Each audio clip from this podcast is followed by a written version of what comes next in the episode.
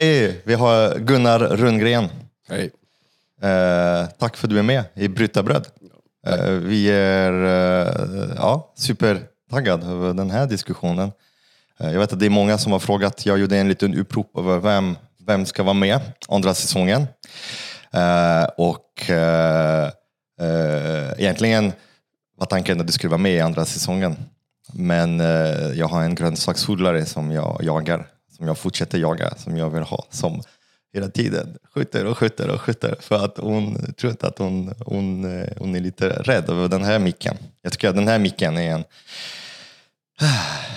lite härlig plats där man kan faktiskt prata om, eh, om, om allting. Kan du berätta lite vem du är? Eh, för de som Ja. inte, kanske, kanske inte vet. Ja, du får väl stoppa mig om det blir för långrandigt. Men jag, jag har hållit på med ekologiskt jordbruk sedan 1977 då jag startade tillsammans med andra ett kollektiv i mellersta Värmland där vi startade med ekologisk grönsaksodling. Det hette ju inte ekologiskt då, man sa giftfritt eller något annat. Eh, ja, den gården finns fortfarande kvar, heter Torfolk gård. Och, eh, när vi började sälja så såg vi att det var svårt med marknadsföringen, svårt att nå ut och det ledde till att vi tog initiativ till eh, både bildandet av det som idag är alternativodlarna, eller ekologiska lantbrukarna och till KRAV då kan man säga. Jag var KRAVs första ordförande och eh, blev, när KRAV fick lite mer pengar blev jag anställd som verksamhetsledare för Krav då under- under ett antal år. Sen jobbar jag, när jag slutade på Krav så, jag bodde hela tiden kvar på gården men jag jobbar väldigt mycket med utveckling av det ekologiska och jobbar ungefär 20 år mest utomlands faktiskt med att utveckla ekologiskt lantbruk i, ja, i så kallade u-länder då, fattiga länder. Eh, är det? Östra Afrika, Sydostasien, en del i forna Sovjetrepublikerna och sådana här saker också. Så det höll jag på med fram till ungefär 2007-2008 och då flyttade jag från eh, Torfolk och eh, har sedan ett antal år en, eh, liten gård, en annan liten gård utanför Uppsala tillsammans med Annelien Meijer från Bremen. Och eh, nu jobbar jag mer hemma, jag konsultar en del och har börjat skriva rätt mycket böcker då. Så jag, Det är när man gifter sig med en eh, journalist. Ja, jag började faktiskt innan. men Fast jag, jag fick kontakt med henne. Vi hade förvisso mötts och jobbets vägnar tidigare någon gång. Men jag fick en ex, ny kontakt med henne när jag hade skrivit min första bok. För jag tänkte hon kanske kan hjälpa mig med någon kontakt. eh, med att få den publicerad. För jag hade inga som helst kontakter i förlagsbranschen. Så då kontaktade jag henne och sen blev vi ett par också. Men så jag har skrivit två böcker själv och tre böcker tillsammans med Annelien. Mhm. Spännande. Krav. Ja. Hur, hur gick det till att starta det? Ja, det var ju så att, att det fanns ju... Ekologiska produkter var ju inte kända, de hade ingen profil och de få som pratade om dem trodde mest att det var fiffel och båg och man litade inte på det. Det var väl framförallt onda tungor så att säga som pratade illa om det. Sa att ja, de här eh, bönderna var ute och sprutade på nätterna och såna här saker. Så vi kände ju att om vi skulle kunna få ekologiska produkter att nå vad ska vi säga, vanliga människor i vanliga butiker. Då var vi tvungna att, att fixa ett system som gav de ekologiska produkterna eh, trovärdighet. Och det handlar också vad ska jag säga, om förtroendet mellan de ekologiska bönderna. Att, att jag som bonde då i Värmland kunde lita på att kollegorna i Skåne som också kallar sig för ekologiska, även om man inte använder det begreppet då, då att de faktiskt spelade på ungefär samma villkor. så att vi inte konkurrerade på marknaden men med helt olika förutsättningar. Så att då, därför så eh, tog vi initiativ till Krav då 1985 och det växte väldigt snabbt i början och har ju blivit väldigt framgångsrikt. Det är nog fortfarande Sveriges mest kända hållbarhetsmärkning med typ 97 eller 98 procent av befolkningen som känner igen märket och har någon diffus aning om vad det står för. Krav har ju liksom 200 sidor regler och det är klart att de flesta människor har ingen aning om det. Det är svårt nog för bönderna och livsmedelsföretagen att känna till alla reglerna och vanliga konsumenter kanske inte förstår mer än att det är utan konstgödsel, utan bekämpningsmedel och djuren har det lite bättre och så, sådana saker. Va? Väldigt många inte vet vad konstgödsel är eller? Alltså är det någonting som... Ja. Jag tror att det är viktiga begrepp för det har blivit en stöttespelare. Alltså, det är verkligen en stöttepelare i hela, hela konventionella jordbruket.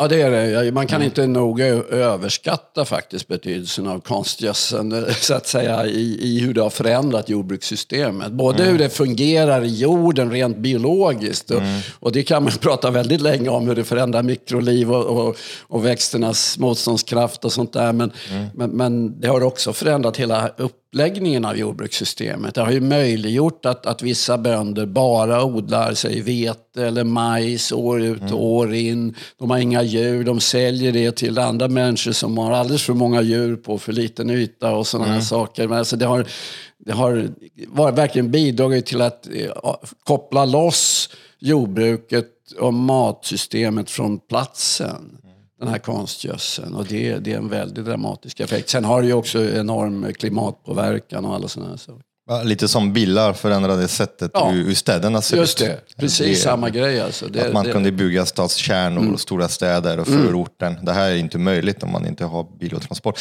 Men är det, tycker du att det, är ett bra, uh, alltså, jag vill inte använda ordet, ordet utveckling, för utveckling låter att man går mot någonting som är bättre. Men var det, var det ett bra förändring? nej, du? nej, alltså jag menar, jag, jag tycker ju att införandet av konstgödsel var ett, ett, ett stort misstag.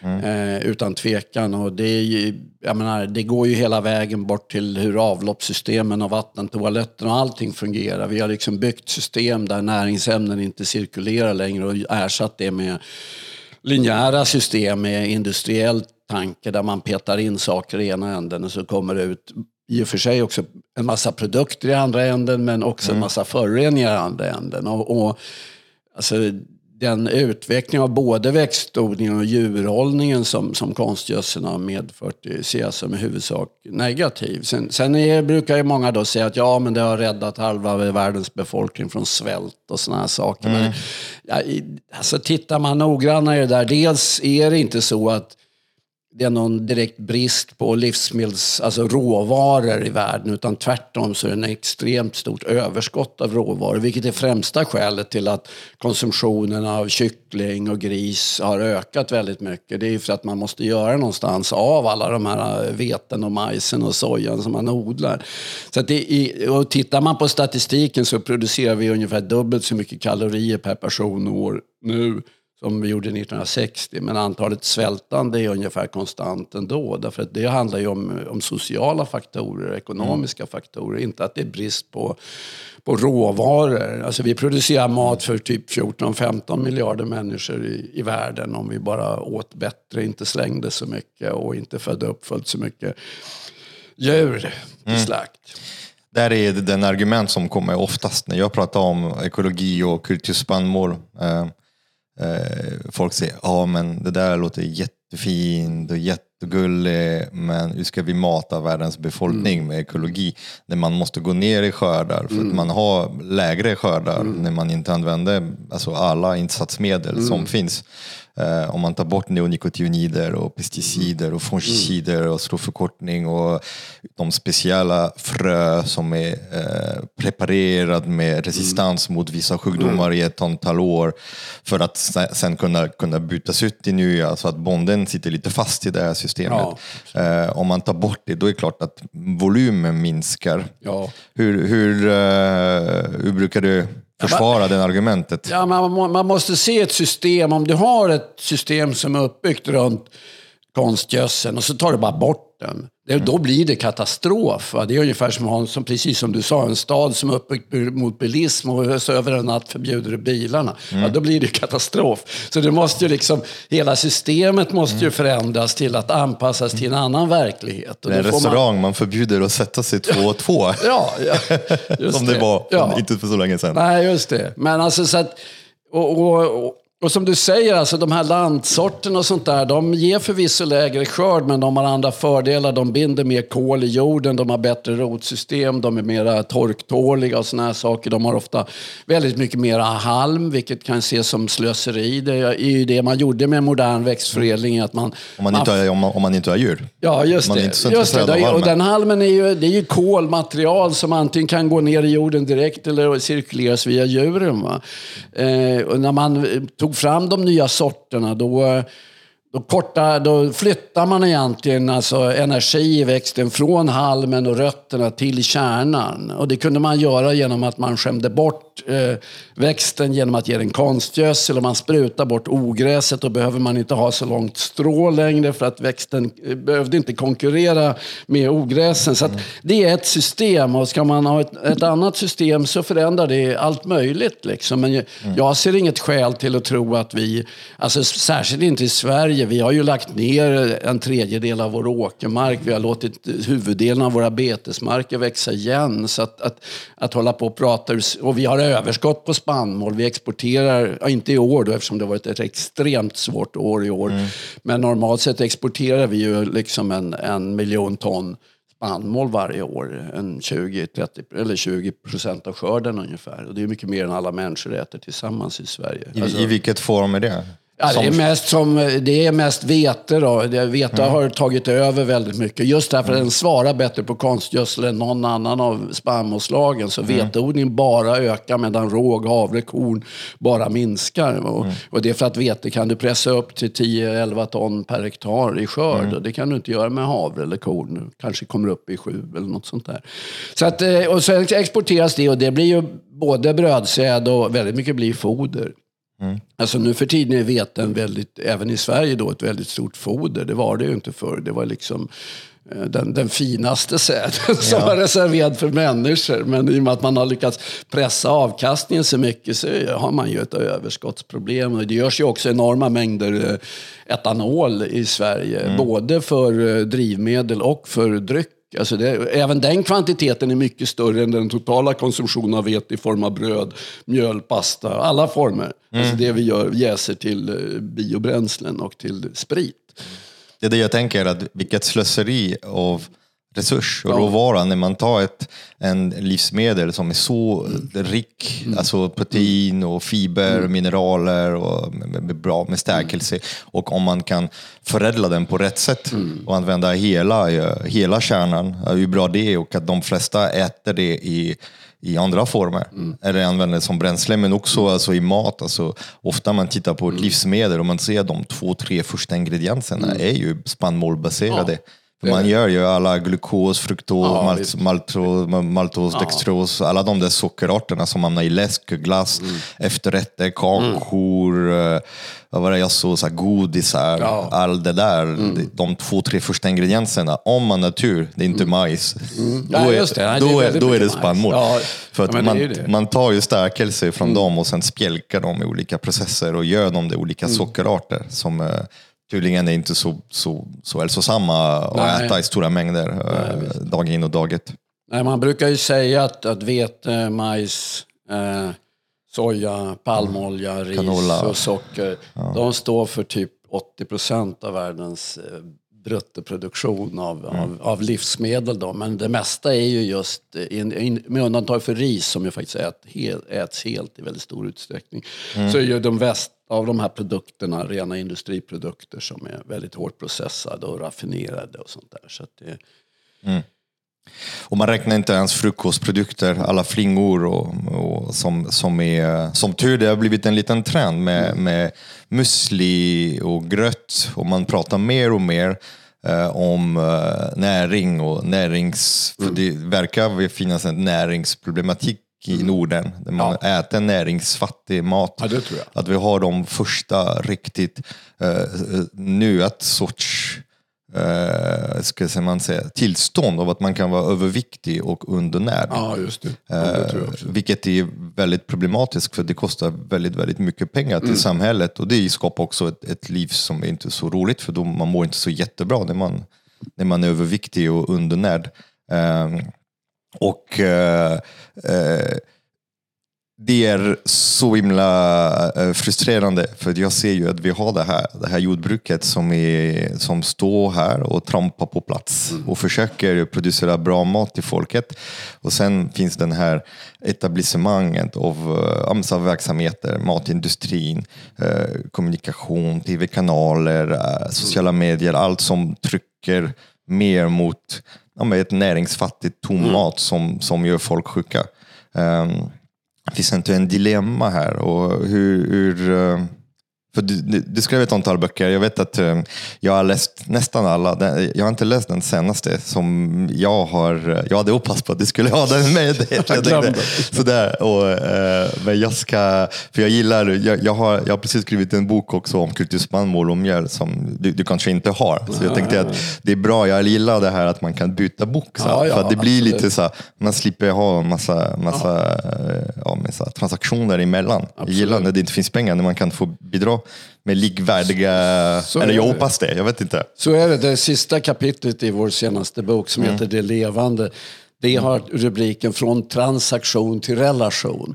Och det uttrycker just det här att vi måste sluta se alla relationer, både mellan människor men mm. också mellan människor och naturen. Mm. Bara i marknadsekonomiska termer. För mm. då, då liksom kör vi i diket. Det är klart att det betyder inte att man inte kan sälja och inte får sälja och det kan inte finnas pengar. Men, men det är ändå ett annat förhållningssätt till, till verkligheten. Och speciellt i relation till naturen tror jag det är oerhört viktigt att vi slutar se liksom träden bara som potentiell pappersmassa som ska säljas och sådana här saker. Mm. Man ser det som pengar? Ja, man ser det som pengar. Va? Och, och pengar är, är givetvis praktiskt och enkelt men det är också någonting som tar mm. bort de inneboende värdena hos produkter och gör att, att, att liksom en, en mobiltelefon är utbytbar mm. mot ett träd eller en, en bit natur är utbytbar mot en, en mm. plastleksak. Liksom. Men de är ju helt olika saker. Men med, genom att översätta alla, alla värden till pengar mm. så förlorar vi ju alla de här nyanserna. Och allting blir egentligen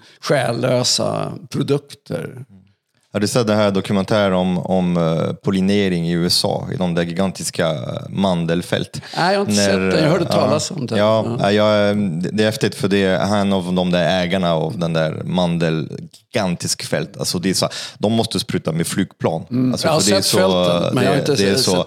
Och, och han kör med sin lastbil och då kommer så en lastbil med, med 4000 bikupor och sen, för det finns, det är, det är mandelträd, ja, det, det är jultid snart nu så man mm. kommer gå i affären och köpa mm. lite mandlar. Mm. Man vill, jag tänkte att det mm. kanske var klokt att tänka på att de, var de mandlarna kommer mm. ifrån. Mm. Att typ cirka 80% av mandlarna i världen kommer från Kalifornien ja. och de odlas i sådana stora mm. monokulturer. Och mandelträd blommar ju i 10-12 dagar, vilket gör att det finns ingen plats för levande bi på plats där året om. För ja. de, de behöver nektar och pollen för det är deras mat. Och, och då, och då det som händer är att man köper pollinering, så det kommer ett företag med bikupo, mm. sätter dem mellan raderna och sen, och då han står här och kör med sin stor pickup, den här mm. gubben, och han säger Do you hear that sound? Ja, ja. Du hear, och man hör så här, ja, ja. säger, That's the sound of money. Liquid, amazing money. Eh, och, och han, han, för, han förhåller ljudet av bina som ja. pollinerar mandlar till ja. båda ja. ett honung som de kommer kunna sälja och sen eh, mandlar som de kommer kunna sälja. Och det de ser i en del. Eh, och där är, det är det man kallar för för jordbruk på något visst. sätt. Rationalitet av system. Eh, det är så uh, tråkigt. Men i den här transaktionen du pratar, för jag har funderat väldigt mycket över hur eh, vårt förhållande till naturen, när vi eh, tar ett träd, mm. tar den, mm. att man aldrig betalar för den. Mm. När man tar ut eh, mm. näring, mat, när man tömmer jorden mm. som ett slags mm ja, med så ackumulativ system med olika lager, superkomplex med massa processer. Mat, alltså det blir som en matsmältningssystem lite som processa, lagra, binda, skapa. Alltså det är så komplext och det är inte klokt. Man tar ett handfullt med jord, det, det var mer mikroorganismer och processer än hela jävla mänskligheten i alla sina tider och tillsammans. Alltså det, I en hand med jord, det finns så mycket. Uh, och hur, eh, hur uh, vi skulle kunna ändra det här förhållandet. Alltså ta någonting som är och, och, och, och betala för det. Mm. Hur kan man betala om det inte är pengar då? Mm. Ja, nej, men alltså jag tror man får, man får tänka tacksamhet. Som ett sätt. Och det ju ganska, går ju som en röd linje i rätt många urfolks eh, relation till naturen också.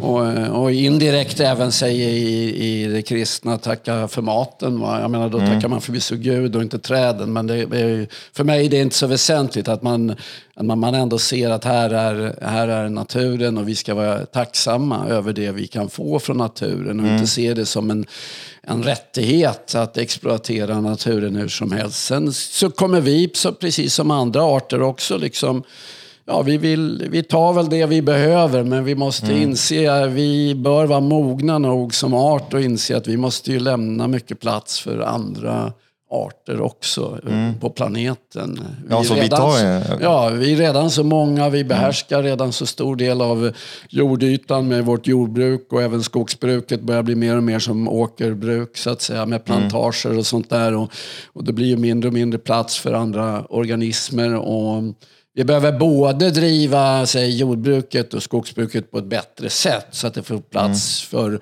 mera organismer, mera liv i de sätten vi brukar naturen på. Och så behöver vi också skydda natur som kanske inte brukas i någon större utsträckning alls. Även om jag vänder mig emot tanken om att liksom man ska exkludera människan. För att i grund och botten, även det som vi kallar för vildmarker har alltid funnits människor i. Va? Amazonas har varit miljoner människor som har levat. Europas sista vildmark kallar man de svenska fjällen för. Men det har ju varit brukat av samer i tusen år eller mer. Liksom, så att, det- vi ska inte tro att vi måste exkludera människan, men vi måste vara mycket, mycket, ha, ha mycket, mycket mindre fotavtryck i dem. Mm, Jag tror att vi har väldigt mycket att lära, oss om urfolket. Ja, det och det har gått tvärtom. Ja. Man har försökt lära dem att leva våra, våra vägar, medan de har haft sätt som har fungerat väldigt bra. Och att, eh, att, eh, men tror du att det är möjligt att, att kombinera både, Ja, jag tror vi måste gå den alltså, det, Eller precis, vi kommer inte ha någon val exempel- snart. Nej, det är ett exempel med pollinering, är ett bra exempel. Alltså vi,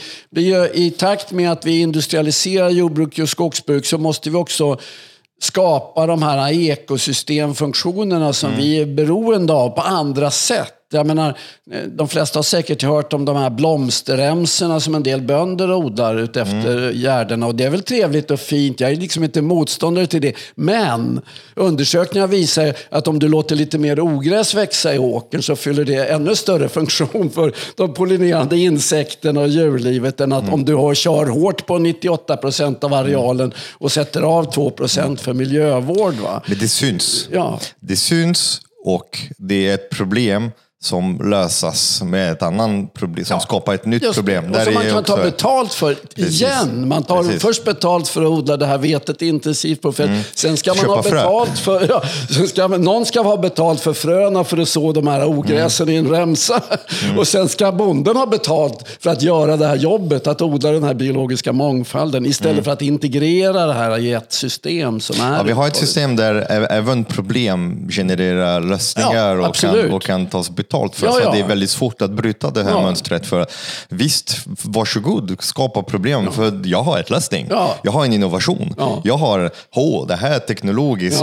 Visst. vad, tror du om teknologi? För nu finns en våg. Det är så gigantiska investeringar i foodtech. Alltså från eh, hur eh, man kan eh, flyga över sitt fält med en drönare och precisionsspruta kväve. Och det pratas om de där nya typer av precisionssprutor med kameror, de där laser. De Mm. där, alltså, vad, tror du om de kombinationen, framtiden av jordbruk i Norden? Är det ett bra, klok Nej, alltså lösning? jag, nej alltså jag ser inte dem som särskilt intressanta eh, överlag och att de liksom angriper problematik från fel ände ändå. Va? Man bara fortsätter med samma system. Och sen finns det ytterligare en komplikation i att i, i så gott som all ny teknik är också mera lönsam för den större skalan att använda än för en mindre skala. Så ju mera maskin, ju mer teknik du för in i, i en produktion, desto svårare blir det för en småskalig att överleva. Va? I teorin så skulle du kunna ha självkörande robotar som är små istället för stora traktorer gör jobbet.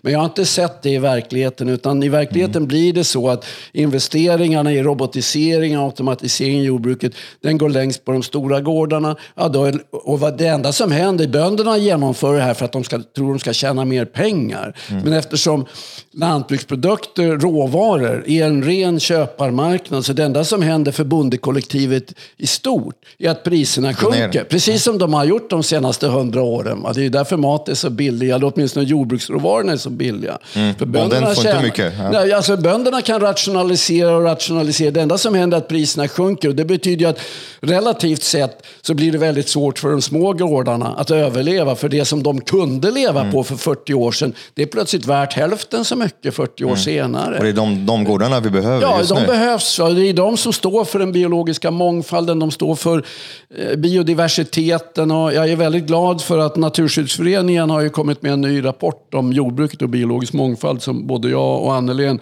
var delaktiga i att, att, att producera. Och där visar man med all tydlighet att skalan faktiskt spelar en roll. Det har länge varit liksom, nej men skalan spelar väl ingen roll. Det går att driva lika bra storskaligt som småskaligt. Men det är faktiskt inte så i jordbruk, utan små fält har mera biologisk mångfald än stora fält. För det är kantzonerna i det som är liksom Yes. hotspots. Det är där det händer grejer. Va? I kanten mellan åken och, och skogen och skogsbrynen och kärren och stranden. Alla de här gränszonerna i naturen, de är de verkligen rika miljöerna. Och ju större fält du har, desto mindre gränszoner har du. Ju större fält du har, desto mindre, färre öppna diken har du, för de lägger du igen. Va? Och det, all, du tar bort alla de här sakerna som har gett mångfald i jordbrukslandskapet. Och sen tar man också bort den funktionen av människan i jordbruket. Ja. Där man kan vara två, två gubbar Ja. istället för 15 personer Ja. eh, som kan arbeta med någonting som är vettigt. Ja. Tycker det, det är bra att du lyfter upp det här med Naturskyddsförening för att eh, jag vet inte, ni som inte är medlemmar i Naturskyddsförening, man tänker att det är sådana liten förening som Gulla, pratar banan och så, men de faktiskt gör mycket mer än så. Alltså, de är väldigt engagerade alltså, politiskt och gör rapporter som faktiskt väger. För det, det behövs sådana typer av rapporter som faktiskt pratar. För politikerna där ute, de, de är blinda, alltså de vet inte, de har inte så mycket kunskap tydligen. Det är som en vd på ett företag. Ofta vdn är inte så duktig på själva produkten. En vd är duktig på att driva processer och omringa sig av kompetens och, och skapa en helhet i det hela. Och det är så det fungerar med politikerna också. De politikerna behöver mer än någonsin vettiga forskning, siffror, klo- klokskap eh, eh, som kan komma och hjälpa dem att styra regelverk eh, och titta lite framåt. Eh, och de får bra rapporter och bra verktyg. Jag tror att det inte bara hjälper konsumenterna att handla bättre, det hjälper också de där uppe. Så att, eh, är du inte medlem i Naturskyddsförening, alltså gör det. För med pengarna gör de sånt som är viktigt. Och man känner sig så himla maktlös som eh, medborgare. Man bor någonstans i ett litet stad, någonstans i landet. Och eh, man känner sig begränsad med att man kan bara rösta en gång varje fyra år. och så. Men eh, eh, man kan handla utan bekämpningsmedel och konstgödsel. Och det är en bra investering för pengarna. Och man kan ju stötta organisationer som faktiskt gör, gör jobbet. Ja, Det, det påverkar jättemycket. Mm, vad roligt. Bra, det här är sagt. Um, det är sista avsnitt av, av, av, eh, av den här säsongen. Så det är lite fint att knyta upp säcken. Vi har pratat om, om kött, om grönsaker, vi har pratat om matsystem, IC, vi har pratat om choklad, kaffe, koloniala varor, socker. Eh, jag har haft en rad experter eh, inom de områdena där vi har kunnat bolla lite. Och alla hamnar lite i samma i samma tröskeln, säger att det finns ett stort problem och problemet är att eh, de som gör bra för mångfald, för vatten, för flöde av, av näringsflödena och eh, alla de där stora, om man använder det här, eh, Stockholm Brazilian Center, stora så här planetary boundaries, som det är planetära Gränsen. gränser. Eh, att det, det finns inte bara ett problem. Man, pratar, man adresserar ofta klimat som och klimathotet, koldioxidutsläpp och så. Eh, Medan om man tar bort koldioxidutsläpp och klimatförändring, då, då har vi andra stora problem som, som hotar liv i stort på jorden. Eh, Och de hänger ihop också. och de är, de är connectade. Alltså koldioxidutsläpp connectat till havet. Om havet blir sur på grund av att det är för mycket koldioxid i atmosfären, då kan inte skaldjur göra sitt skal och då blir krill till exempel. Kommer, och kollapsar krillpopulationen i havet, då är det kört för havet. För allt är byggt på det. Eh, och, eh, det man, det man ser i det, i det systemet och i hur vi adresserar problematiken, det är att de som inte gör det, de som inte köper pesticider, konstgödsel, hamnar i den här tröskeln. De, sitter, de hålls Uh, man brukar säga på franska, uh, kullorna, men jag vet inte om det passar. Alltså, de sitter där, de är fast där. En liten rörelse och aj, aj, aj, aj, det gör ont där. Alltså, man sitter fast i den. Uh, så att man gör rätt, man gör bra, det, man ger ett bidrag till samhället, man tänker framtiden och så. Och då måste man köpa en certifiering mm. för att vara trovärdig. Mm. Och sen, det räcker inte att certifiering. Då måste man vara bra trovärdig. För mm. gör man, då måste man ha en kontrollenhet som är tredje part, som är oberoende, som ska mm. komma och kolla genom din gård eller din produktion av livsmedel och se att du gör alla rätt. De går igenom de där hundratal olika punkter. Alltså jävlar, man ska vara noggrann. För att gör du ett fel, ajabaja, då kan du rycka med din certifiering och så. Och det där kostar pengar, ja. kostar resurser, kostar mm. energi. När det är redan svårare att producera mat mm. utan alla de där insatsmedel. Mm. För det krävs mycket arbete mm. och resurser och det är mycket problem. Mindre jordbruk, mer små problem dag mm. in och dag ut på natten, på mm. dagen och så.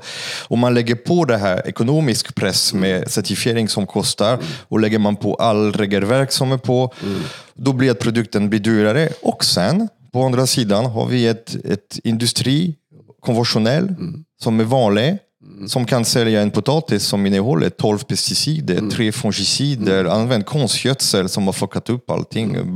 balansen i havet, mm. i flod och sjö. Och, så. och de kan göra det helt inte helt fritt, det finns ju också lite regelverk, men i stort sett ganska fritt. Och sälja en produkt superbilligt som kostar samhället så sjukt mycket, som kostar planeten så sjukt mycket, som det är så svårt att sätta en prislapp på. Och det systemet är här framför våra ögon. Mm. Och jag ser fortfarande jordbrukare, bönder, mat, matproducenter, mathantverkare som skär sig blodig och mm. kämpar så mm. hårt för att kunna göra sin produkt lite bättre, lite ja. mer så att folk där ute förstår att de jobbar för mm. framtiden. Eh, de är en del av våran av våran framtid. Alltså det är som, ja. alltså alla, alla sparar pension för ja, någonstans visst. man har ett framtidstro. Ja, ja. Ja, och jag undrar, så här, varför, varför gör man det nu om man är 30 år gammal och sparar pension? Vad tror du det kommer se ut om 40 år? Alltså, vad ska du göra med pengarna? Ja. Det är, så att, eh, är det inte ett systemfel här? För jo, jag tänker, du har varit med och byggt det här, det här systemet, ja. att man ska certifiera ja. de, de the good guys. Mm. Uh, hur ser du nu på det, alltså 40 år tillbaka?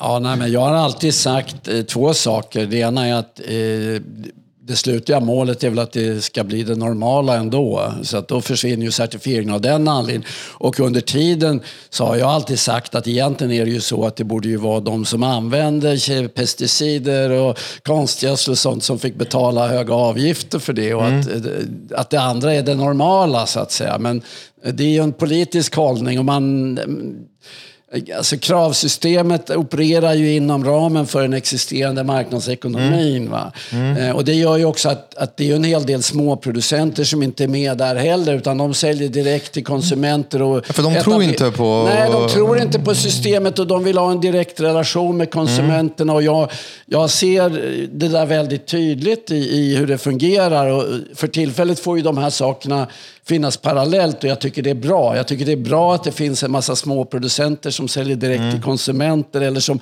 försöker etablera andra former av relationer med andelsjordbruk och alla sådana här saker. Mm. Va? Och det, samtidigt är det väl eh, bra också att de här som är kravgodkända och, och, och ändå har så stor produktion att de säljer via Lantmännen och till Coop och Ica och sånt, att, att kravsystemet finns där. Mm. Så att jag, och det är lite grann eh, även den här ekonomiska synpunkten. FAO, FNs eh, jordbruksorganisation, kom just med en ny rapport som visar att de externa kostnaderna av jordbruksproduktionen, eh, kostnaden för hälsa och miljö i första hand, de är alltså ungefär två gånger så stora som det totala värdet av jordbruksprodukterna. Så att om jordbruket betalade för de skador det orsakar så skulle kost, produkterna kosta tre gånger mer. Vilket var ungefär vad de gjorde för 40-50 år sedan där man fortfarande inte hade så stor användning av, av insatsmedel som man har idag. Va? Så att det är ju ett ekonomistiskt sätt att diskutera en förändring av samhället. Och jag, jag, jag balanserar lite grann på att å ena sidan tillämpa det den rådande ekonomiska sättet att resonera saker och ting. Å andra sidan också vilja lyfta upp helt andra sätt att se saker och ting som jag pratade om. Där man betonar relationer och sådana saker och inte betonar pengar. Men verkligheten är ju då att de här små företagarna, oavsett om de är småbönder eller mathantverkare eller bagare, ölbryggare och allt vad det är. De, alla har ju samtidigt det här behovet av pengar någonstans ifrån för de ska betala för gården de har köpt eller barnen ska ha en, grejer och, och sådana här saker även om de själva lever små. Så att någonstans in, är de ju halvintegrerade i marknadsekonomin vare sig de vill eller inte. Så att I min vision behöver vi jobba, eller inte vision men nej, jag ser att vi behöver jobba på flera fronter samtidigt. Vi måste liksom inom ramen för det existerande systemet ändå jobba för att det införs förbättringar av olika slag. Kanske avgifter på konstgödsel och sådana här saker. Va? Mm. Och samtidigt jobba med att bygga upp helt alternativa system mm. som liksom ställer sig vid sidan om. För det är ändå så att alla stora förändringar i samhället, de, alltid bör, det är, de etablerade systemen ändrar sig inte själva frivilligt. Utan mm. det måste alltid alltid finnas krafter utanför. Det är lite grann samma med det politiska systemet. Visst kan det göra skillnad vilket parti du röstar på, sådär, men stora förändringar kommer oftast av rörelser som startar utanför de etablerade organisationerna eller bara externa händelser som man inte Absolut. ens har någon kontroll över.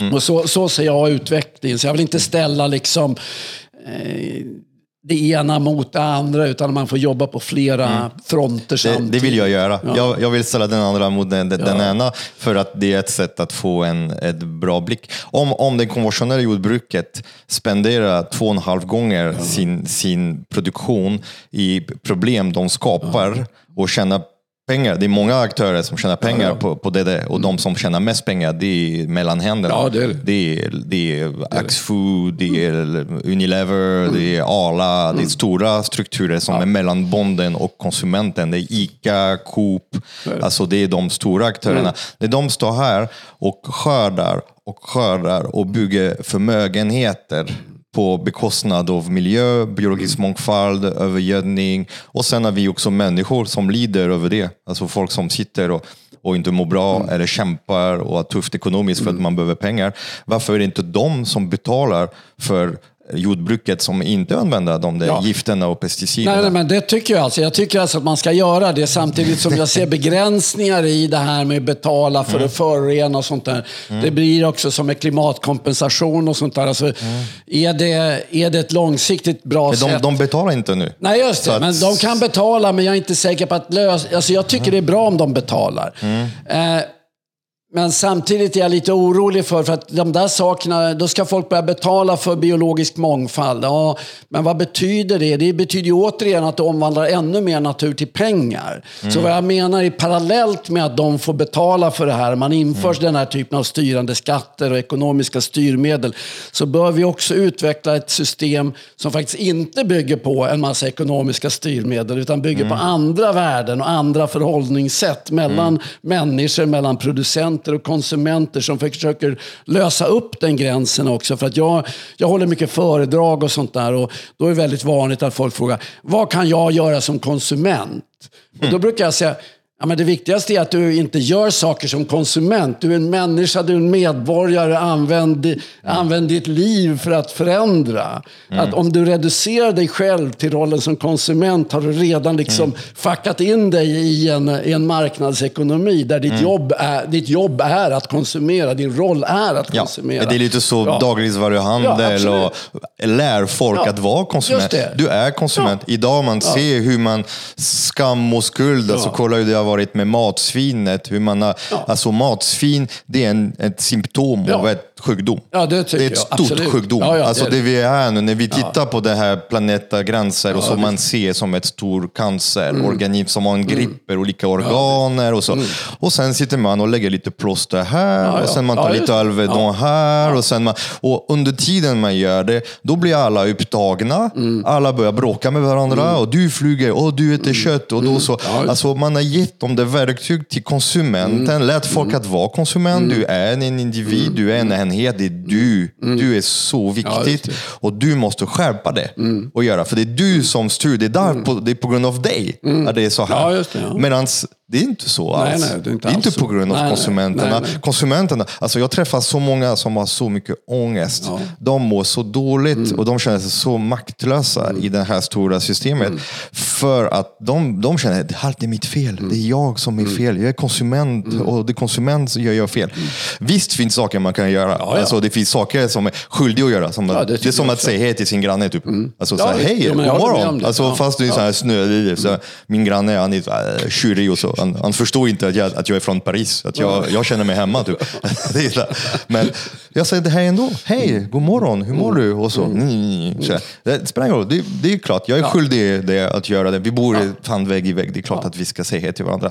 Men det är mycket mer som behöver göras. Vi måste sluta angripa problemet som att det var en liten, en liten förkylning där, där man kan ta lite droppar och, och, och kan ta en Alvedon och, och man kan köra, köra som vanligt. Det är någonting som kräver en, en djup förändring. Det därför jag tycker att det, det är så viktigt att använda din din erfarenhet och din kunskap, för du har ändå byggt krav som det. Du har varit del av att bygga ett system där man primerar eh, de som faktiskt förgiftar.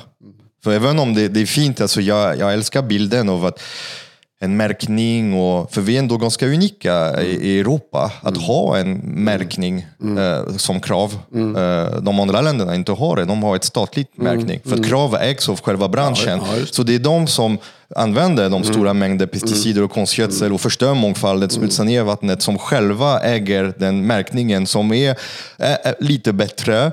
Och, och det gör att jag kan inte låta bli att se, även om det är en, idé, det är, det är en förändring och så, Mm. att det är klart att det finns makt, att det finns dragning, att det finns krafter. Känner du om det? Så, hur, hur har det förändrats nu Alltså, sen nu inte- 80-90-talet Ja, nu jobbar ju inte jag åt krav och inte gjort på 30 år. Men, men uppriktigt sagt så... Ännu mer relevant att du, Ja, att du har en åsikt. Ja, jo, men alltså, man kan ha mycket åsikter om de där systemen, man kan ha åsikter om Kravs medlemsorganisationer, men Mm. även om jag inte jobbat där så har jag haft en viss insikt i organisationen. Och jag, jag kan faktiskt inte påstå att de här stora livsmedelsföretagen har, Mm. har ägnat sig åt att liksom eh, försöka manipulera reglerna för att passa deras syften. Det finns någon Mm. enstaka grej där, man, där det kommer fram och det är frågan om nitrit i skinka. Ja, det, lite så här upp. kravmärkta frukost på Scandic. Ja. Man kan ha, man gör en regelverk Ja, som just tillåter. Alltså, man tänker, okej, jag har alla Scandic-hoteller, Mm. jag är medlem i det. Det är klart att då kan man göra ett frukost, man använder tre basråvaror, man gör ett regelverk som är lite böjbart och fint, som passar in ganska bra Mm. ekonomiskt. Så att man plötsligt, k- kravmärkning kan, kan vara över alla hoteller. För mig Ja, det, fast det är det, ungefär som bra miljöavvalsmärkning av butiker också. Alltså det, Absolut. Det, det är ett koncept där man försöker premiera något som är lite bättre helt enkelt. Och Mm. man kan, jag, kan också vara kritisk till att det inte är tillräckligt bra. Va? Mm, Men jag, jag tror det räcker med det. Man behöver inte, man behöver inte så att säga gå till några konspirationer eller något sånt där. Det är helt enkelt den livsluft som Krav är i. Krav arbetar inom det etablerade systemet. Det är Kravs liksom livslust. För det är luft, det är, det är, en, det är en märkning för anonyma transaktioner som förstärker eller försöker ge förtroende till produkten. Trots att det finns en konsument och en producent med en eller tio mellanled emellan så, så ska det ändå bära någonting emellan. Och det, det är lite grann det jag menar. Ja, man kan ha kritik mot att det inte är bra nog och det, det är helt okej. Men vad jag menar är att vi måste också bygga upp andra sätt och, och, och skapa relationer. Men det skapar vi inte i första hand genom att och ens försöka förändra Kravs roll i det hela. Utan det får vi nog... Krav får göra sitt jobb som det är bra Ja. på, tycker jag. Och så får vi bygga upp andra saker bredvid också. Inte i Alltså- opposition mot Krav, utan är fortfarande i opposition mot det styrande livsmedelssystemet. För det är ju det som är problemet. Och, det, och det, Krav kan inte dra sig undan det. Liksom man, eftersom det är volymer vi pratar om och volymer ska tryckas, tryckas genom Coop, Axfood, och Ica och så vidare så måste man ju... Man, man spelar alltid på deras villkor. Det, det, är- det är oundvikligt. Jag har ju varit grönsaksodlare. Och så länge du säljer till Ica och Coop så spelar du på deras villkor. De dikterar villkoren och det gäller, det gäller alla märkningar som finns där också. Så Det de är- tjänar mest pengar av alla. Ja, det de de. dikterar villkor. Ja, de. de äger märkning som gör bättre, bättre livsmedel. Mm, Eh, det känns som ett ganska eh, dåligt system om man ska gå dit vi vill och dit vi behöver. Eh, varför, varför kan inte krav ägas av staten till exempel, som i andra länder?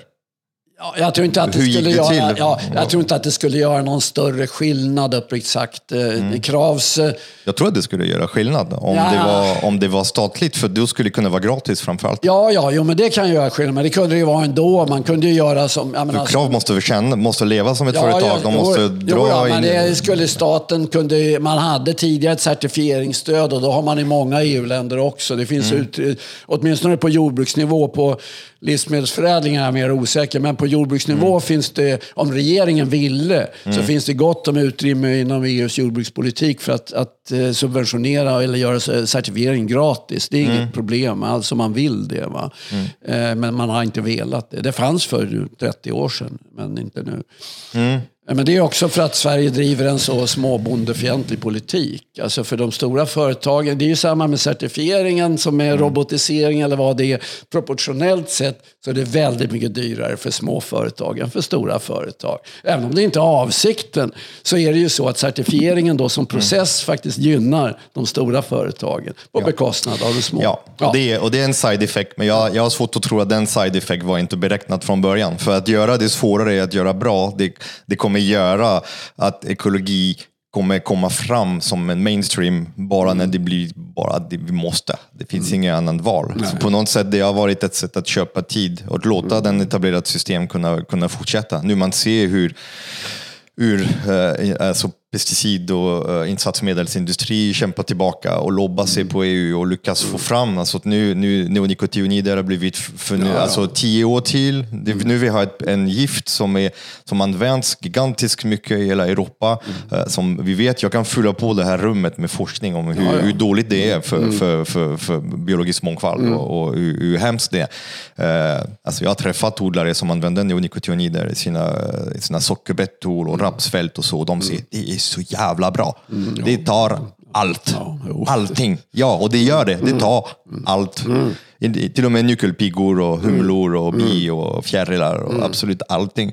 Och att nu har vi förnyat en tio års till användning i Europa. Plus att vi fortsätter tillverka vi fortsätter tillverka pesticider, eh, alltså gifter som, som till och med är förbjudna i Europa och fortsätter Ja, ja, exportera exportera. runt om i hela världen. Så att andra länder kan använda de där förbjudna Mm. pesticider och sen skicka tillbaka råvaror och konkurrera med våra, med våra bönder. Eh, alltså, Mm. Ja, det, det- är, det är ett system som är väldigt Ja. svårt att försvara. Den den är svårt att försvara. Och det finns ingen anledning att Nej, men vi borde däremot samtidigt, det- det är 40 procent av våra, av våra utsläpp är ju matsystem och alla sina derivatprocesser kring den. Mm. Vi har en världsbefolkning som växer fortfarande. Vi har människor som svälter, vi har människor Mm. som är sjuka, vi har människor som... Och allt det här kostar pengar och skapar problem. Alltså är det inte dags att eh, ta en, så här, en stor utzoomning och göra en riktigt Jo, rejäl jag systemförändring? tycker det. Det är ju det jag har ägnat mig åt. Alltså, min- Skulle du orka engagera dig den, ensam? min bok Den stora ätstörningen handlar ju egentligen bara om de här stora systemfrågorna. Hur det Mm. har förändrat jordbruket och, och matsystemet också helt och hållet. Och att, att, men jag, och det, Men samtidigt är det livsmedelssystemet så in, inblandat i, allt, i hela samhällsuppbyggnaden, urbaniseringen och hela mm. den industriella processen. Det faktum att vi har städer är ju ett resultat av att man mekaniserade jordbruket. Så att, mm. så ja, olja, olja, kol ja, har ju förändrat. Det, ja, så det är väldigt många saker som hänger ihop. Och jag, jag, tror, eller jag är ganska säker på att vi kommer få en samhällsförändring som kommer mm. styra mot ett betydligt mer ekologiskt hållbart samhälle på olika mm. sätt. Det, det enda frågan Frågan är om vi kommer göra det frivilligt och i någon ja, planerad form. Till. Eller om vi blir tvingade till det. Ja.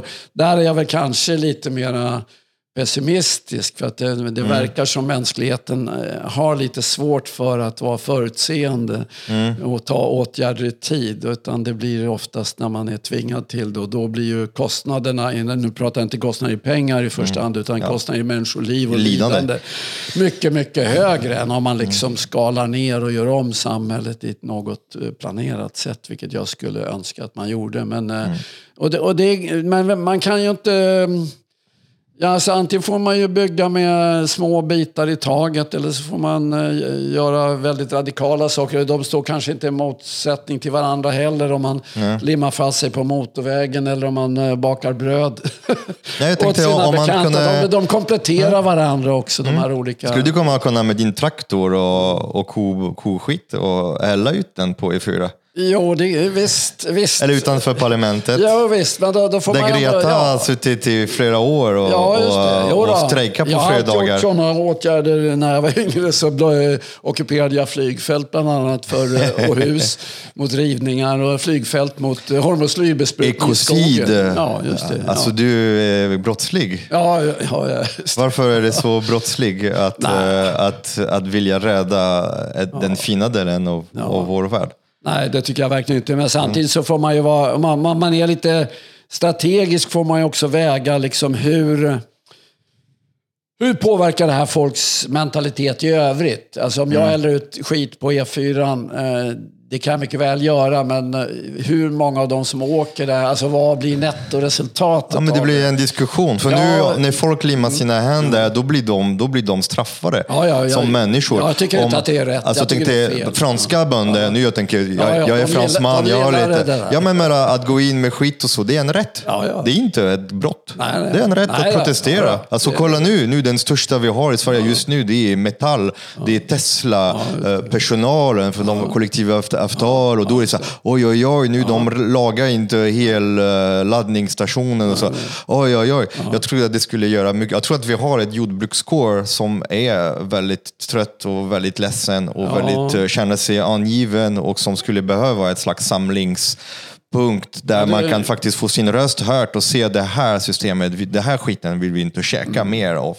Vi vill ha ett, ett nytt system och Sverige som har de godaste förutsättningar. Mm. Vi har ett landskap mm. som tillåter eh, hållbar odling. Mm. Vi har ett kunskap, vi har ett ekonomisk förutsättning. Mm. Samtidigt som att vi är en av de största utsläppare i mm. världen mm. per capita. Även om vi är små, små. Vi är 3-4 procent av världens utsläpp fast vi är 0,12 procent av världens, världens befolkning. Så på något sätt vi är också lite skyldiga. Ja, ja. Om man ska ja, tänka med andra som bor i andra länder när de släpper typ ingenting. Uh, och, och, och blir först drabbades dessutom av, mm. av klimatförändringar. Så att eh, eh, jag tror att det är dags för en, eh, en lite mer...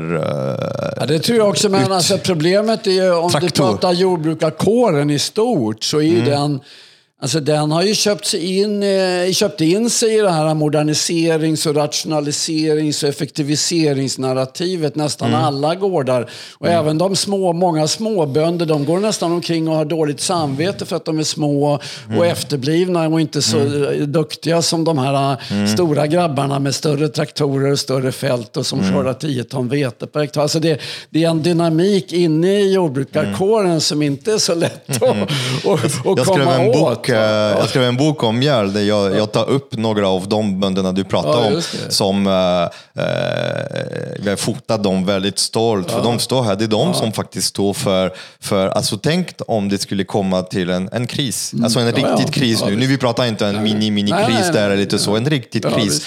Just då Sverige självförsörjningsgradsmässigt. Mm. Mm. Om det skulle komma en riktigt kris, att vi slutar importera fosfor från mm. Marocko och kväve från rysk gas och Eh, eh, pesticider, frö, havelsdjur, förpackningar, maskiner, reservdelar. Mm. Ja, det här. visst, visst. Vad kan vi göra för mat? Hur många procent tror du att vi kan producera? Inte så mycket, den saken är säker. För det finns en självförsörjningsgradssiffra som ligger runt 40 procent. Ja, typ. just det. Jo. Är, den, är, den, är den riggad, den här siffran? ja, alltså det beror ju på Hur hela man tiden den? på vilket perspektiv du har. Därför att i princip är vi ju 0% självförsörjande om man tänker sig att du stänger ner konstgödsel och kemiska bekämpningsmedel och Mm. dieselförsörjningen. Då blir det ju nästan ingen mat kvar. Det blir ju från några få, alltså det blir sådana som Mm. Naturvårdsbete med kor som springer omkring, och, eller springer, men går och betar själva.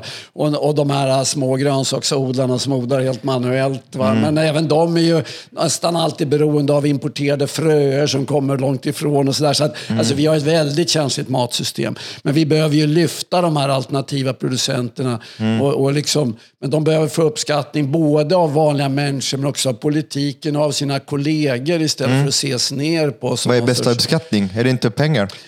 Ja, fast pengar Så att de kan ja, sluta ha ont i magen? Jo, och- jo, jo, men det är givetvis viktigt att de kan klara sig. Men jag tror också den kulturella inom jordbrukarkåren, att det betyder ganska mycket.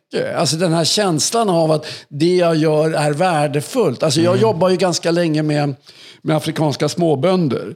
Och hjälpte dem att exportera ekologiskt kaffe och sesamfrö och kakao och sådana här produkter. Va? Och de ökade ju sina inkomster, säg från 1000 spänn om året till 1500 spänn om året. En dramatisk inkomstförstärkning med 50 procent. 50%, Ja, ja. just det. Men det är klart, de är fortfarande extremt fattiga. Men det intressanta med dem var att när man pratade med dem så var, okej, de var glada för pengarna, men de var minst lika glada, trots att de var så fruktansvärt fattiga, för att de fick uppskattning för det de gjorde.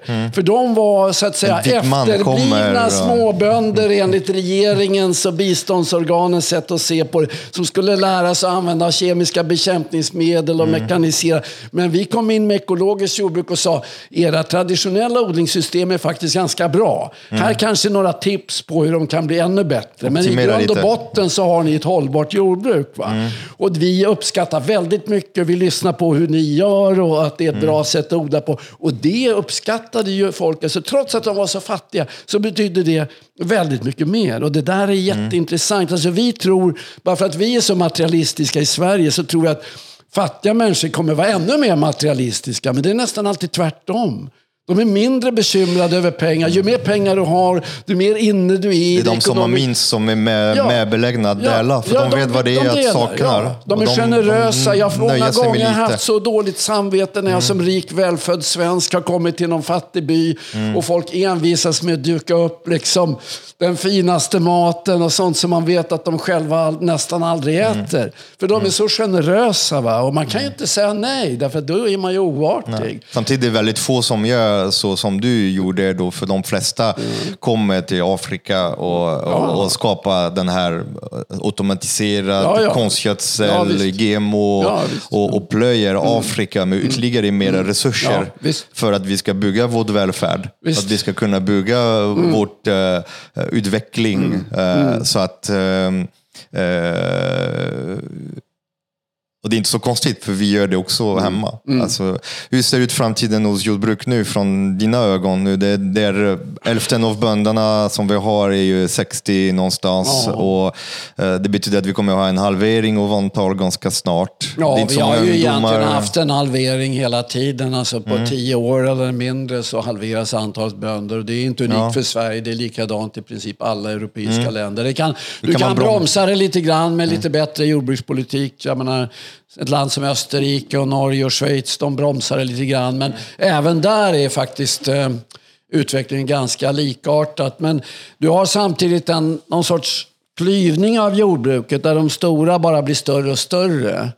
Men sen har du en ganska stor grupp nu med, med mindre gårdar som försöker hitta alternativa sätt att driva jordbruk på. Den gruppen är ganska stadigt växande ändå. Den har det tufft, den har det kärvt, men ska man vara ärlig så har även de stora gårdarna det i Sverige. Så tittar man på statistiken så ser man att det är nästan inga jordbruk som tjänar några pengar. Om det inte vore för stöden via EU-systemet mm. så skulle nästan alla jordbruk gå back, även de största gårdarna. Så, så det, det, är inte ens lönsamt, men det finns en, en, en drift i hela systemet som ändå gynnar den större skalan.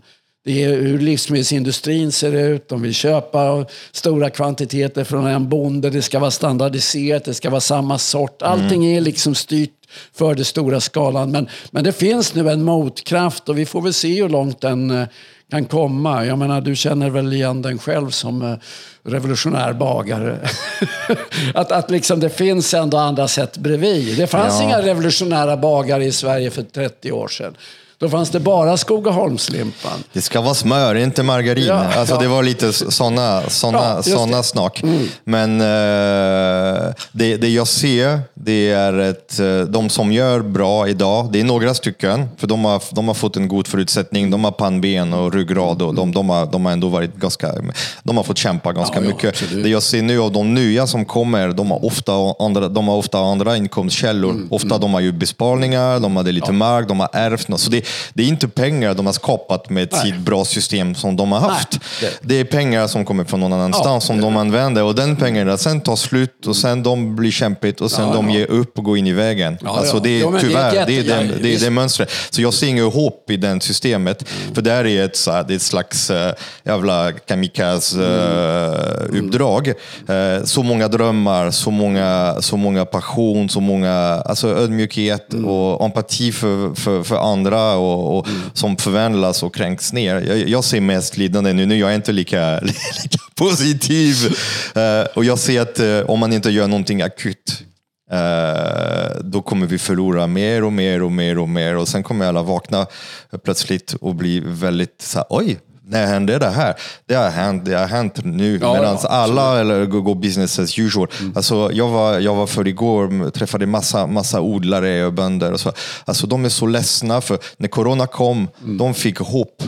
Mm. De fick så oj, för folk blev rädda. Mm. Och då började det så, oj vi behöver våra småbönder. Och folk köpte landstället och sen flyttade dit och jobbade hemifrån mm. från landsbygden. Plötsligt, och med landsbygden, där, man vill inte vara i ett stort stad där och bråka om en toapappersrulle som är kvar här på hyllan.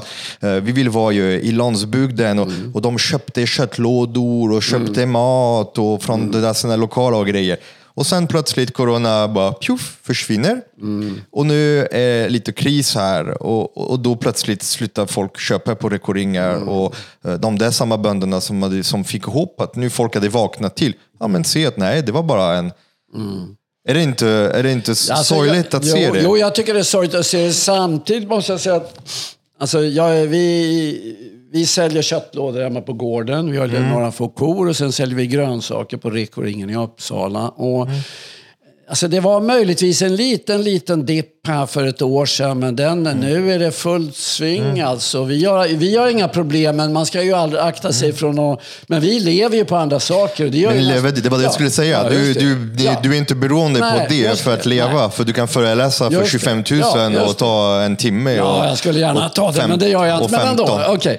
Men ah. visst, visst är det så att jag kan leva på annat. Och det, men, och det är det, man kan se det på flera sätt. Man kan säga så här, småbönder i Sverige, mm. de har haft andra intäkter i princip så länge du kan minnas. Där mm. jag bodde förut i Värmland, där var ju i princip var ju jordbruket drevs ju av kvinnorna. Mm. Männen jobbade på järnbruket och de körde mm. kol i skogarna. De mm. kolade och körde malm och här saker. Så att, eh, mm. Och det kan man tycka är fel, men så var verkligheten då också. Och jag tror i och för sig att tanken att man kombinera jordbruk med andra verksamheter mm. inte är fel. Utan tvärtom tror jag det är bra. Men mm. likväl så borde det ju vara så att det man gör som jordbrukare eller som mathantverkare i sig ändå skulle täcka sina kostnader och ge någorlunda skälig betalning till mm. den som håller på Stolthet. Med. Det tycker jag. Och sen är stoltheten den tror jag ofta finns där. Då. Men samhället uppmuntrar det inte alls. Och vi har ju Nu håller man på att revidera den här så kallade livsmedelsstrategin i Sverige. Mm. Som egentligen bara är en produktionsstrategi för livsmedelsindustri och jordbruket. Och egentligen inte alls handlar om mat. Va? Trots att den heter livsmedelsindustrin så handlar den ju inte om maten vi äter. Mm. Men man skulle ju hoppas att den livsmedelsstrategin också tog upp det här med småskaligheten, variationen i kosten och alla liksom. Den, den har inte ens ett mål för att vi ska äta mat från Sverige i Sverige. Däremot har den ett mål för att vi ska exportera mera mat till andra mm. länder. Vilket man har lite svårt att förstå när vi inte kan försörja vår egen befolkning. Men det är vi ska ändå exportera. Ja, vi ska ändå ser exportera. Det, ja, det ser bra ut, för det gör ju alla annan industri. Det är så gör ju bilindustrin. Den exporterar ju 70 procent av bilarna och sen importerar vi en massa bilar. Och mm. det är liksom det som är mm. målbilden för jordbruket ja. i Sverige och det är sjukt. Det är samma sak som har drivit kvinnor bort från jordbruket. Ja, alltså det är tillgång till billiga energi. Ja, det kan man mycket säga. Är energi för billigt idag? Mm. Ja, det är det. Det är, det är helt övertygad Eller det är för billigt. Och jag menar, det är ju så att energin är håller ju på långsiktigt att bli dyrare. Mm. Bo, av, av, I båda ändar. Dels så har man ju borrat upp all billig olja och all billig naturgas. Som var lättillgängligt. Ja. som var lättillgängligt. Så att även om man fortsatte med de fossila bränslena så blir mm. de bara dyrare och dyrare. Men nu ska ju de fasas ut, vilket är bra. Då får man lägga avgifter på dem för att minska användningen. Då blir de dyrare. Samtidigt som sol och vind och de, de, de är ju i, i praktiken rätt billiga i, vid källan så att mm. säga. De är också beroende på fossila de bränslen. Är, delvis är de ju beroende av fossila bränslen för sin produktion idag. Va? I teorin kan du ju givetvis göra eh, solpaneler med förnyelsebar energi och sånt där. Men just mm. nu är de ju för det mesta gjorda med kolkraft eller någonting ja. i den stilen. Plus att men, alltså, ja. solkraft används mest till oljeplattformar ja, idag. Ja, det kanske gör. Men jag menar, grejen är att de i ett energisystem mm. som ska liksom funka som våra nuvarande energisystem så blir de också bra dyra. Va? Och det är mm. inget argument mot sol och vind. Jag tycker det är bra med sol och vind, men vi ska mm. inte tro att vi kan ta det existerande systemet byggt på kol kol, olja och gas. Och göra på samma sätt. Och göra på samma sätt med sol och vind och tyvärr nu också kärnkraft. Och det är ju just en indikation på att mm. ja, det behövs mer om vi ska klara av att ersätta det. Då ska vi plötsligt gå igång och bygga en jäkla massa kärnkraftverk också. Mm. Vilket verkligen är oansvarigt måste jag säga. Mm. Alltså kärnkraft det, det, är klart om man tittar tillbaka. Det är mm. ganska lätt att titta bakåt mm. för då, då, då eh, man kan bara se två olyckor, man kan räkna ja. ganska rationellt ja. och se det är en energikälla som inte har dödat så många, nej, nej. som har varit ganska, ganska bra. Eh, men om man ska jämföra med kol och gas ja, och olja. Men det har funkat för det har varit ett värld som var hyfsat i fred. Ja, just det. Och kärnkraften är också... De funkar bra när det är fred. Nu ja. ser man i Ukraina, ja. alltså, de när det blir det. krig, där, då är och, det inte och lika... om man har kritik mot solenergi och vindkraft för att de bygger på fossila bränslen så gör ju kärnkraft det ännu mer. Med all, all betong du behöver för ja. att bygga ett kärnkraftverk. Och plutonium. Och stål och bra, uranbrytning uran. och hela köret. Så det, är liksom, mm. det är inte ett alternativ. Det är mm. en, en del av det fossila bränslesystemet. Och det är klart att vi ska använda de som finns och använda dem. Mm.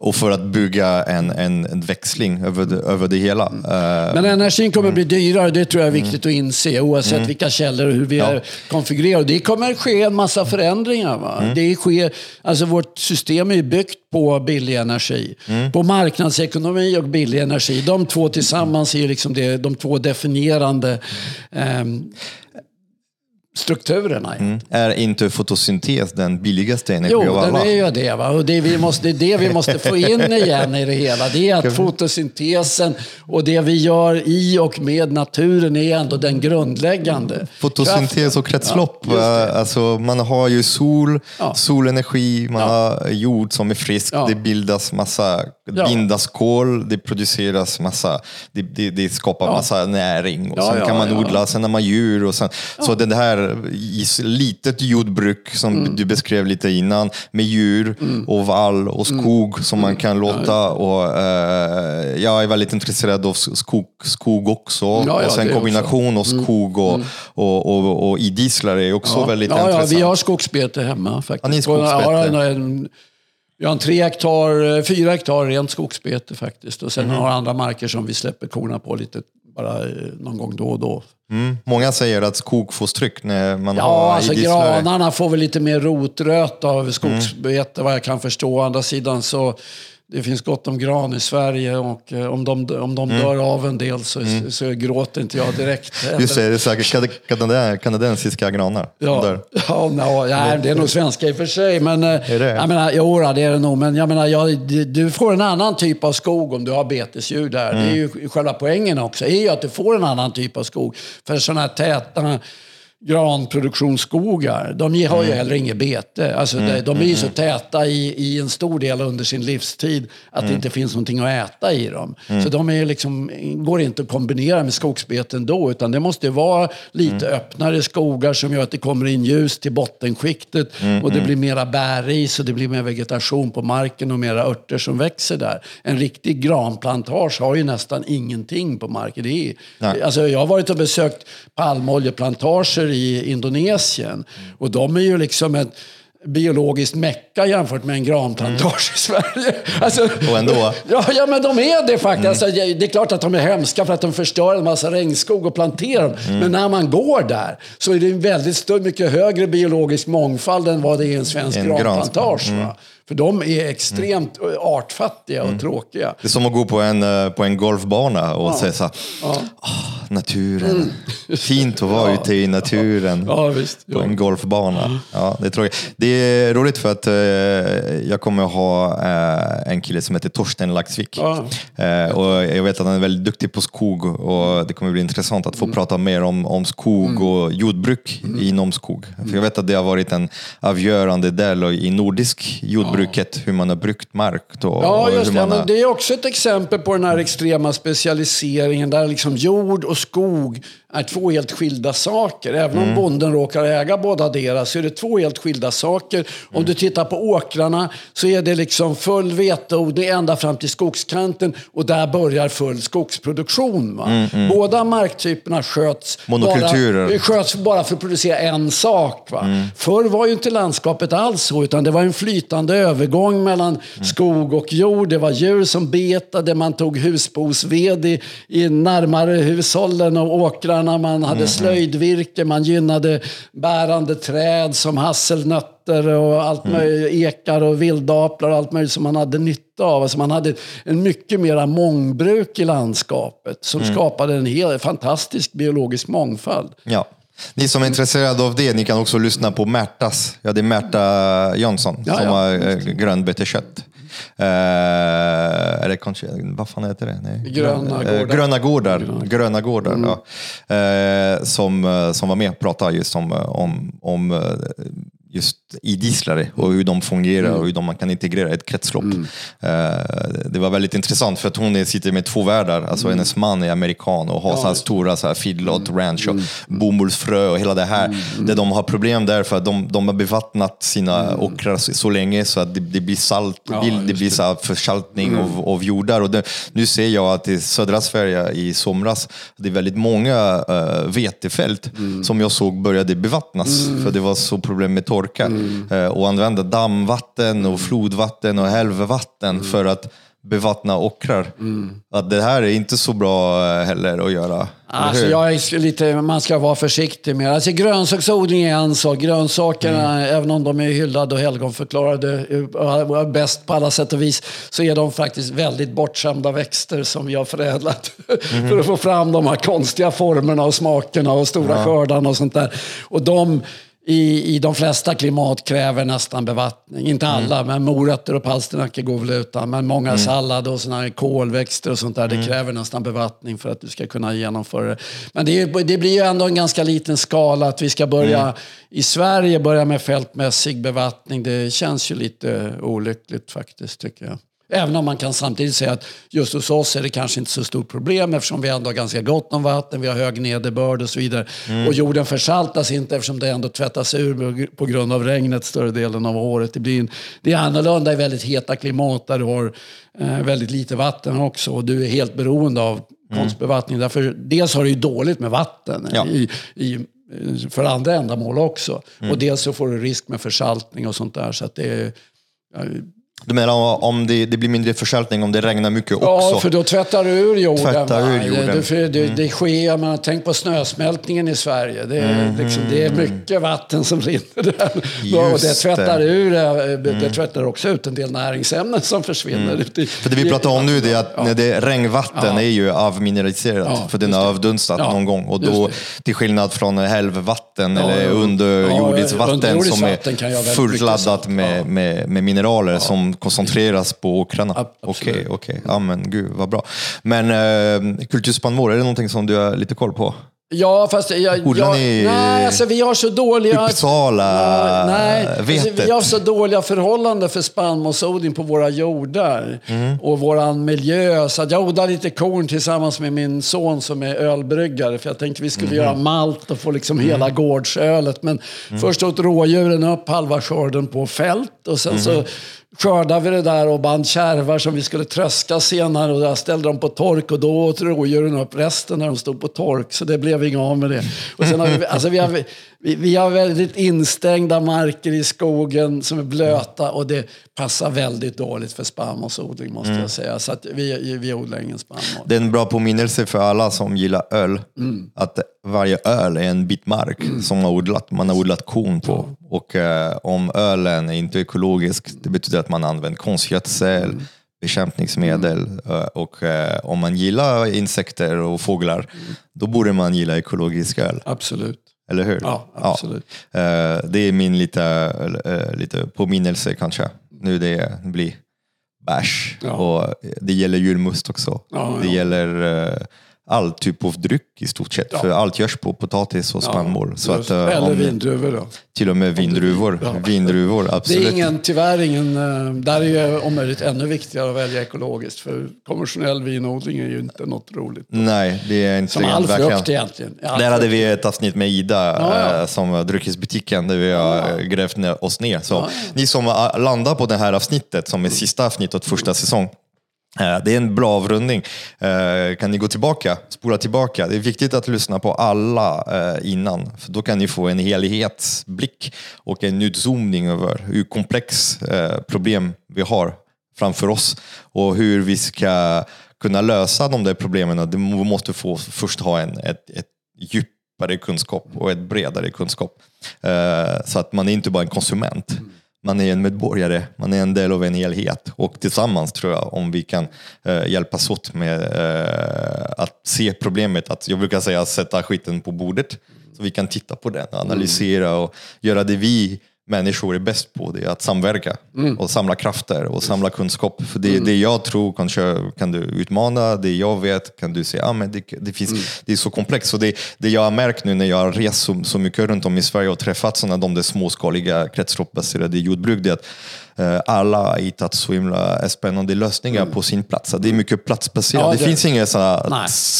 Slätta ut i hela Sverige och behandla alla svensk bonde, eh, eh, spannmål, det är kött, det är skog. Att Man måste lita på den ursprungliga kunskapen. Dels i norra jag Sverige för hur folk eller hur de har levt i symbios med naturen och i södra hur har man varit ja, begränsat med hur mycket resurser man har haft. Och, och lära oss och låta dem som är där. Det är därför vi behöver de där små jordbruk som styr av platsen, inte av ett externt gigantiskt system som är intresserad av att bygga kapital och öka sin kvartal och sina avkastningar och växa.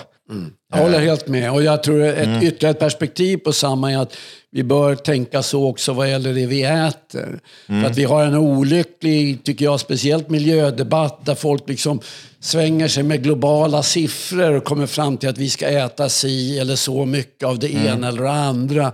Men, men det är precis som jordbrukssystemet ett helt oekologiskt sätt att tänka. Det finns ju skäl till att liksom inuiter har ätit mest säl och fisk va? och inte ätit eh, tropiska frukter och bananer. Liksom. Ja, de visste inte ens om dem. Nej, De och, och liksom, det, det svenska jordbrukssystemet, de, de, det kan producera inte ens samma saker i alla delar av landet, men det är liksom uppbyggt på ett visst sätt. Och vi bör rimligtvis konsumera huvudsakligen sånt som går vettigt att producera i det här landet. Sen behindrar inte det att vi kan äta lite saffran i bullen eller eh, dricka Lyxa en kopp kaffe. till. Men eh, liksom lyxa till det, det har folk gjort i århundraden. va. Det är lustigt just med kaffe, hur det nådde ut i, på svenska bondlandet och Upplandssamerna som en nationaldryck. Trots att det var ganska dyrt va, hela tiden. Ja, alltså kanelbullen. Ja, eh, ja, kanelbulle. Kanel och kardemumma. Så, så det tycker jag man får ha respekt för att vi, vi har den där önskan om också. Det är lite mer exotiska. Men det hindrar ju liksom inte att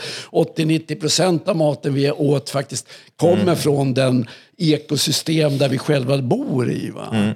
Och det Vi kan är skilja basvaror Ja, och, och det. kryddor. Ja, ja, och, alltså det absolut. som är lite, lite, mer, eh, lite mer rationellt. Och det är också inte särskilt dyrt och komplicerat att transportera kryddor. Det är, liksom, Nej. det är samma om man tänker sig liksom export från fattiga länder. Sådär. Ja, men det är ju smart att exportera just eh, kryddor och kaffe, alltså grödor som har högt värde per kilo och som inte har så höga transportkostnader. Snarare än att de skulle exportera liksom mm, spannmål och sojabönor och stapelvaror. Va? Eller Det är stål, eller, Ja, eller ja, koppar, det är med. och, och, vilket vi gör också. Ja, alltså ofta visst. är det en koppling. Det finns sidoeffekt. Likaså konstgödselindustri är väldigt kopplat till, till vapen och krigindustri. Mm. Ja, ja. Är också Själva kryd- ursprunget ja, ligger där. Alltså Det- kryddor och, och metaller Mm. och alltså resurser är också kopplade. Vi lever ju i en världssystem. Eh, Jag tror Mm. det det är vi. viktigt att inte glömma bort det. Ska vi bryta lite? Det, podden jag har ju suttit och bröd. tittat på den här en timme nu. På, podden, podden heter Bryta bröd och, och tanken är att jag tänkte när du kommer och vi är ändå så nära intill nu, det har börjat, när vi har ändå pratat om saffran, tänkte att du ska få lite mer kaffe och eh, på tal om kolonial. En, eh, det här är en eh, jättegod kaffe eh, som eh, ja, ånverksmässigt, eh, bönderna har fått bra betalt, de har inte använt massa, eh, massa pesticider.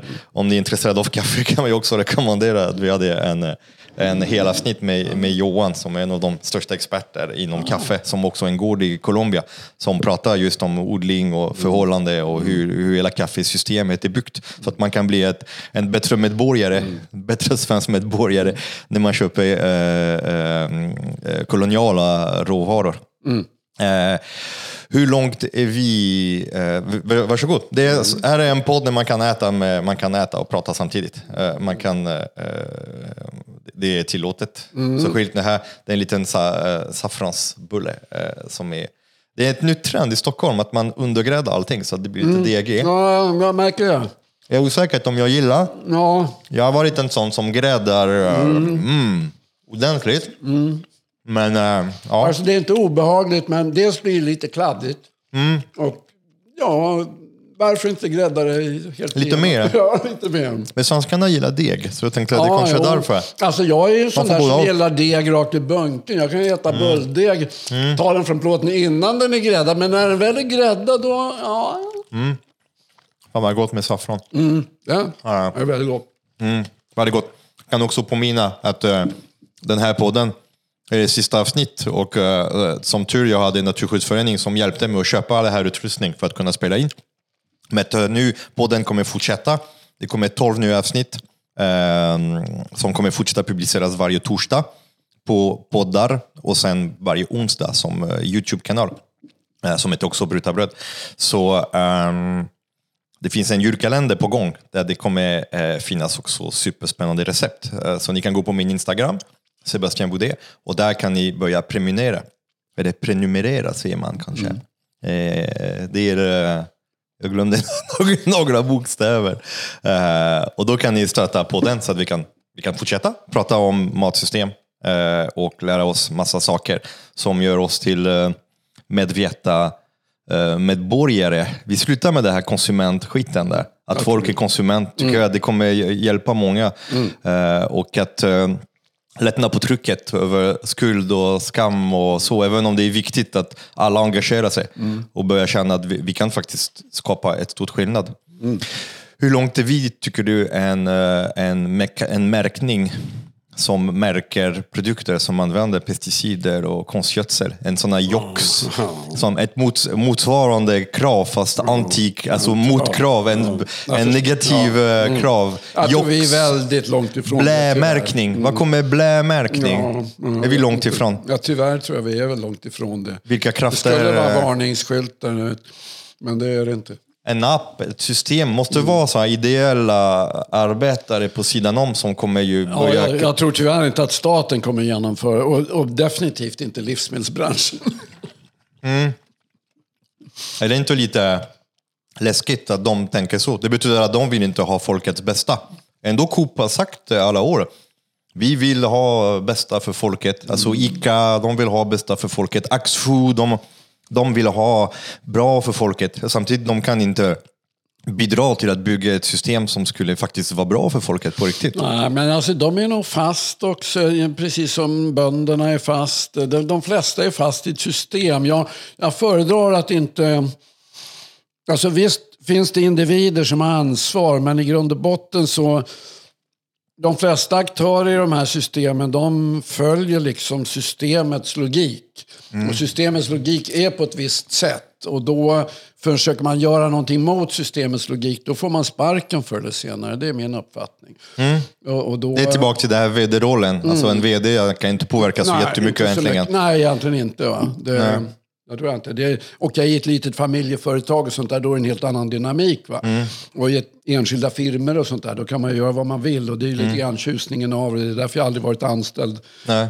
Är det, jag är, är inte det... anställningsbar tror jag. Nej. och nu är jag Inte längre, du är för kaxig. Men det, är, det, är det därför du lämnade krav, eller? Vad, vad... Ja, ja, men alltså jag, jag är lite... Jag är, jag var ju med och byggde upp Krav. Och mm. Det var liksom sju år, eller vad det nu var. Man brukar prata mm. om sådana här sjuårscykler i alla möjliga saker. Mm. Då hade jag gjort mitt. Liksom. Det var att bygga upp ett system. Mm. Jag hade absolut inget intresse av att förvalta systemet. Det var också Nej. så att Sverige ansökte om EU-medlemskap vid den tidpunkten. Och då betydde det ju att EUs lagstiftning för ekologisk produktion skulle börja, verka. skulle börja verka och styra verksamheten ännu mycket mer. Mm. Har det inte varit bra? Ja, ja, det är en hel diskussion Idag, som vi knappt ens... Alltså jag, jag tycker inte den har varit särskilt bra uppriktigt sagt, men det är en Nej. jättediskussion som vi mm. kanske inte hinner med här. Men vad det gjorde i vilket fall som helst var ju att det mm. band upp krav och begränsade kravs utrymme extremt mm. mycket. Huvuddelen av det som är kravsregler idag är ju beslutade av EU. Det är bara mm. en mindre del som kravar eget. Och även hur certifieringen går till, alla de här sakerna vi har diskuterat, är mm. ju ett resultat av EU-förordningen som krav inte längre kan påverka i någon större utsträckning. Och det var definitivt ingenting jag ville sitta och administrera en EU-lagstiftning i, i mitt jobb som kravchef. Så det mm. var, det Men det, är, det, är det EU som pushar krav till att till, tillåta mera subnitritsalt och ja, andra man kan olika... Säga att EU har ju tillåtit det, så att då blir det ju ett tryck Mm. När, när saker och ting är tillåtet. Det det finns åt andra hållet också. Det finns saker som EU inte tillåter som jag tycker borde vara tillåtna. Som eh, cirkulation av human urin till exempel. Mm. Det får man inte använda ekologiskt Nej. jordbruk längre. Det skulle lösa en del av fosforproblemet. Ja, ja. ja alltså det, det, varför det är bara... Ja, just det. Det, alltså det vore jättebra tillgång. Mm. Men det är förbjudet just i ekologisk odling. Du får ju använda i konventionell odling. Får man använda ja, mänsklig urin i konventionell ja, odling? men det är en absurditet att det är förbjudet just i ekologiskt. För det är ju den ekologiska odlingen bygger ju på kretslopp, ja. återcirkulation och ja. de ekologiska bönderna behöver ju de där näringsämnena mm. eftersom man inte använder kan... konstgödsel. Mm. Så det liksom, den här det kan man göra om man låter sina djur... Eh, ja, man får, ja, djuren får använda får, djurens urin, men, men inte människourin. Okay. Då får bonden gå in och kissa ja, i sitt fält då? Ja, det är förbjudet ja, alltså? Nej, det är, åtminstone är det ingen som bryr sig om att man gör det, för det gör ju alla bönder givetvis. Men, men det där är en, så att det begränsar hela... Utrymmet skulle jag vilja säga, den här mm. EU-förordningen. En del tycker det är bra då. Därför ja. att det, det syftet är ju att begränsa utrymmet så att det som kallas för ekologiskt i Spanien ska mm. vara detsamma som kallas för ekologiskt i Sverige. Mm. Vilket i sig är återigen ett uttryck för att man vill ha ett globaliserat handelssystem. Mm. För det är ju det som är, det är därför det behövs. Det är ju bara för att man vill att kunna sälja varor kors och tvärs över länderna. Och jag tycker inte det, jag är inte motståndare till att man gör det, men det är ingenting som jag tycker är intressant och, och, och, och jobba med så att säga. Mm. Häftigt. Jag är uppväxt med en vattenkanna i duschen. Där man fick, ja, ja. man fick hälla den första ja, vattnet tills den blev varm och sen man fick kissa i den. och så det gick till, till grönsakerna i trädgården. Ja, men det är, det är jättebra system. Och det låter väldigt så här, tramsigt. Jag, jag skämdes lite när jag var barn. och jag, jag vågade inte ha kompisar hemma för alla tyckte att vi var jättekonstiga. Men uh, idag är det, mina föräldrar lite sådana hjältar som gjorde så här på 80-talet. det, är ganska häftigt. Har du en uh, avslutande ord? Någonting som du, vill, du vill få ut mer? Nej, tack för Det, brödet. det är klart. Tack för brödet. Det är en undergräddade bulle. Men det var gott med saffran. Ja, var- Tack Gunnar för att du var med. Tack så mycket, Sebastian.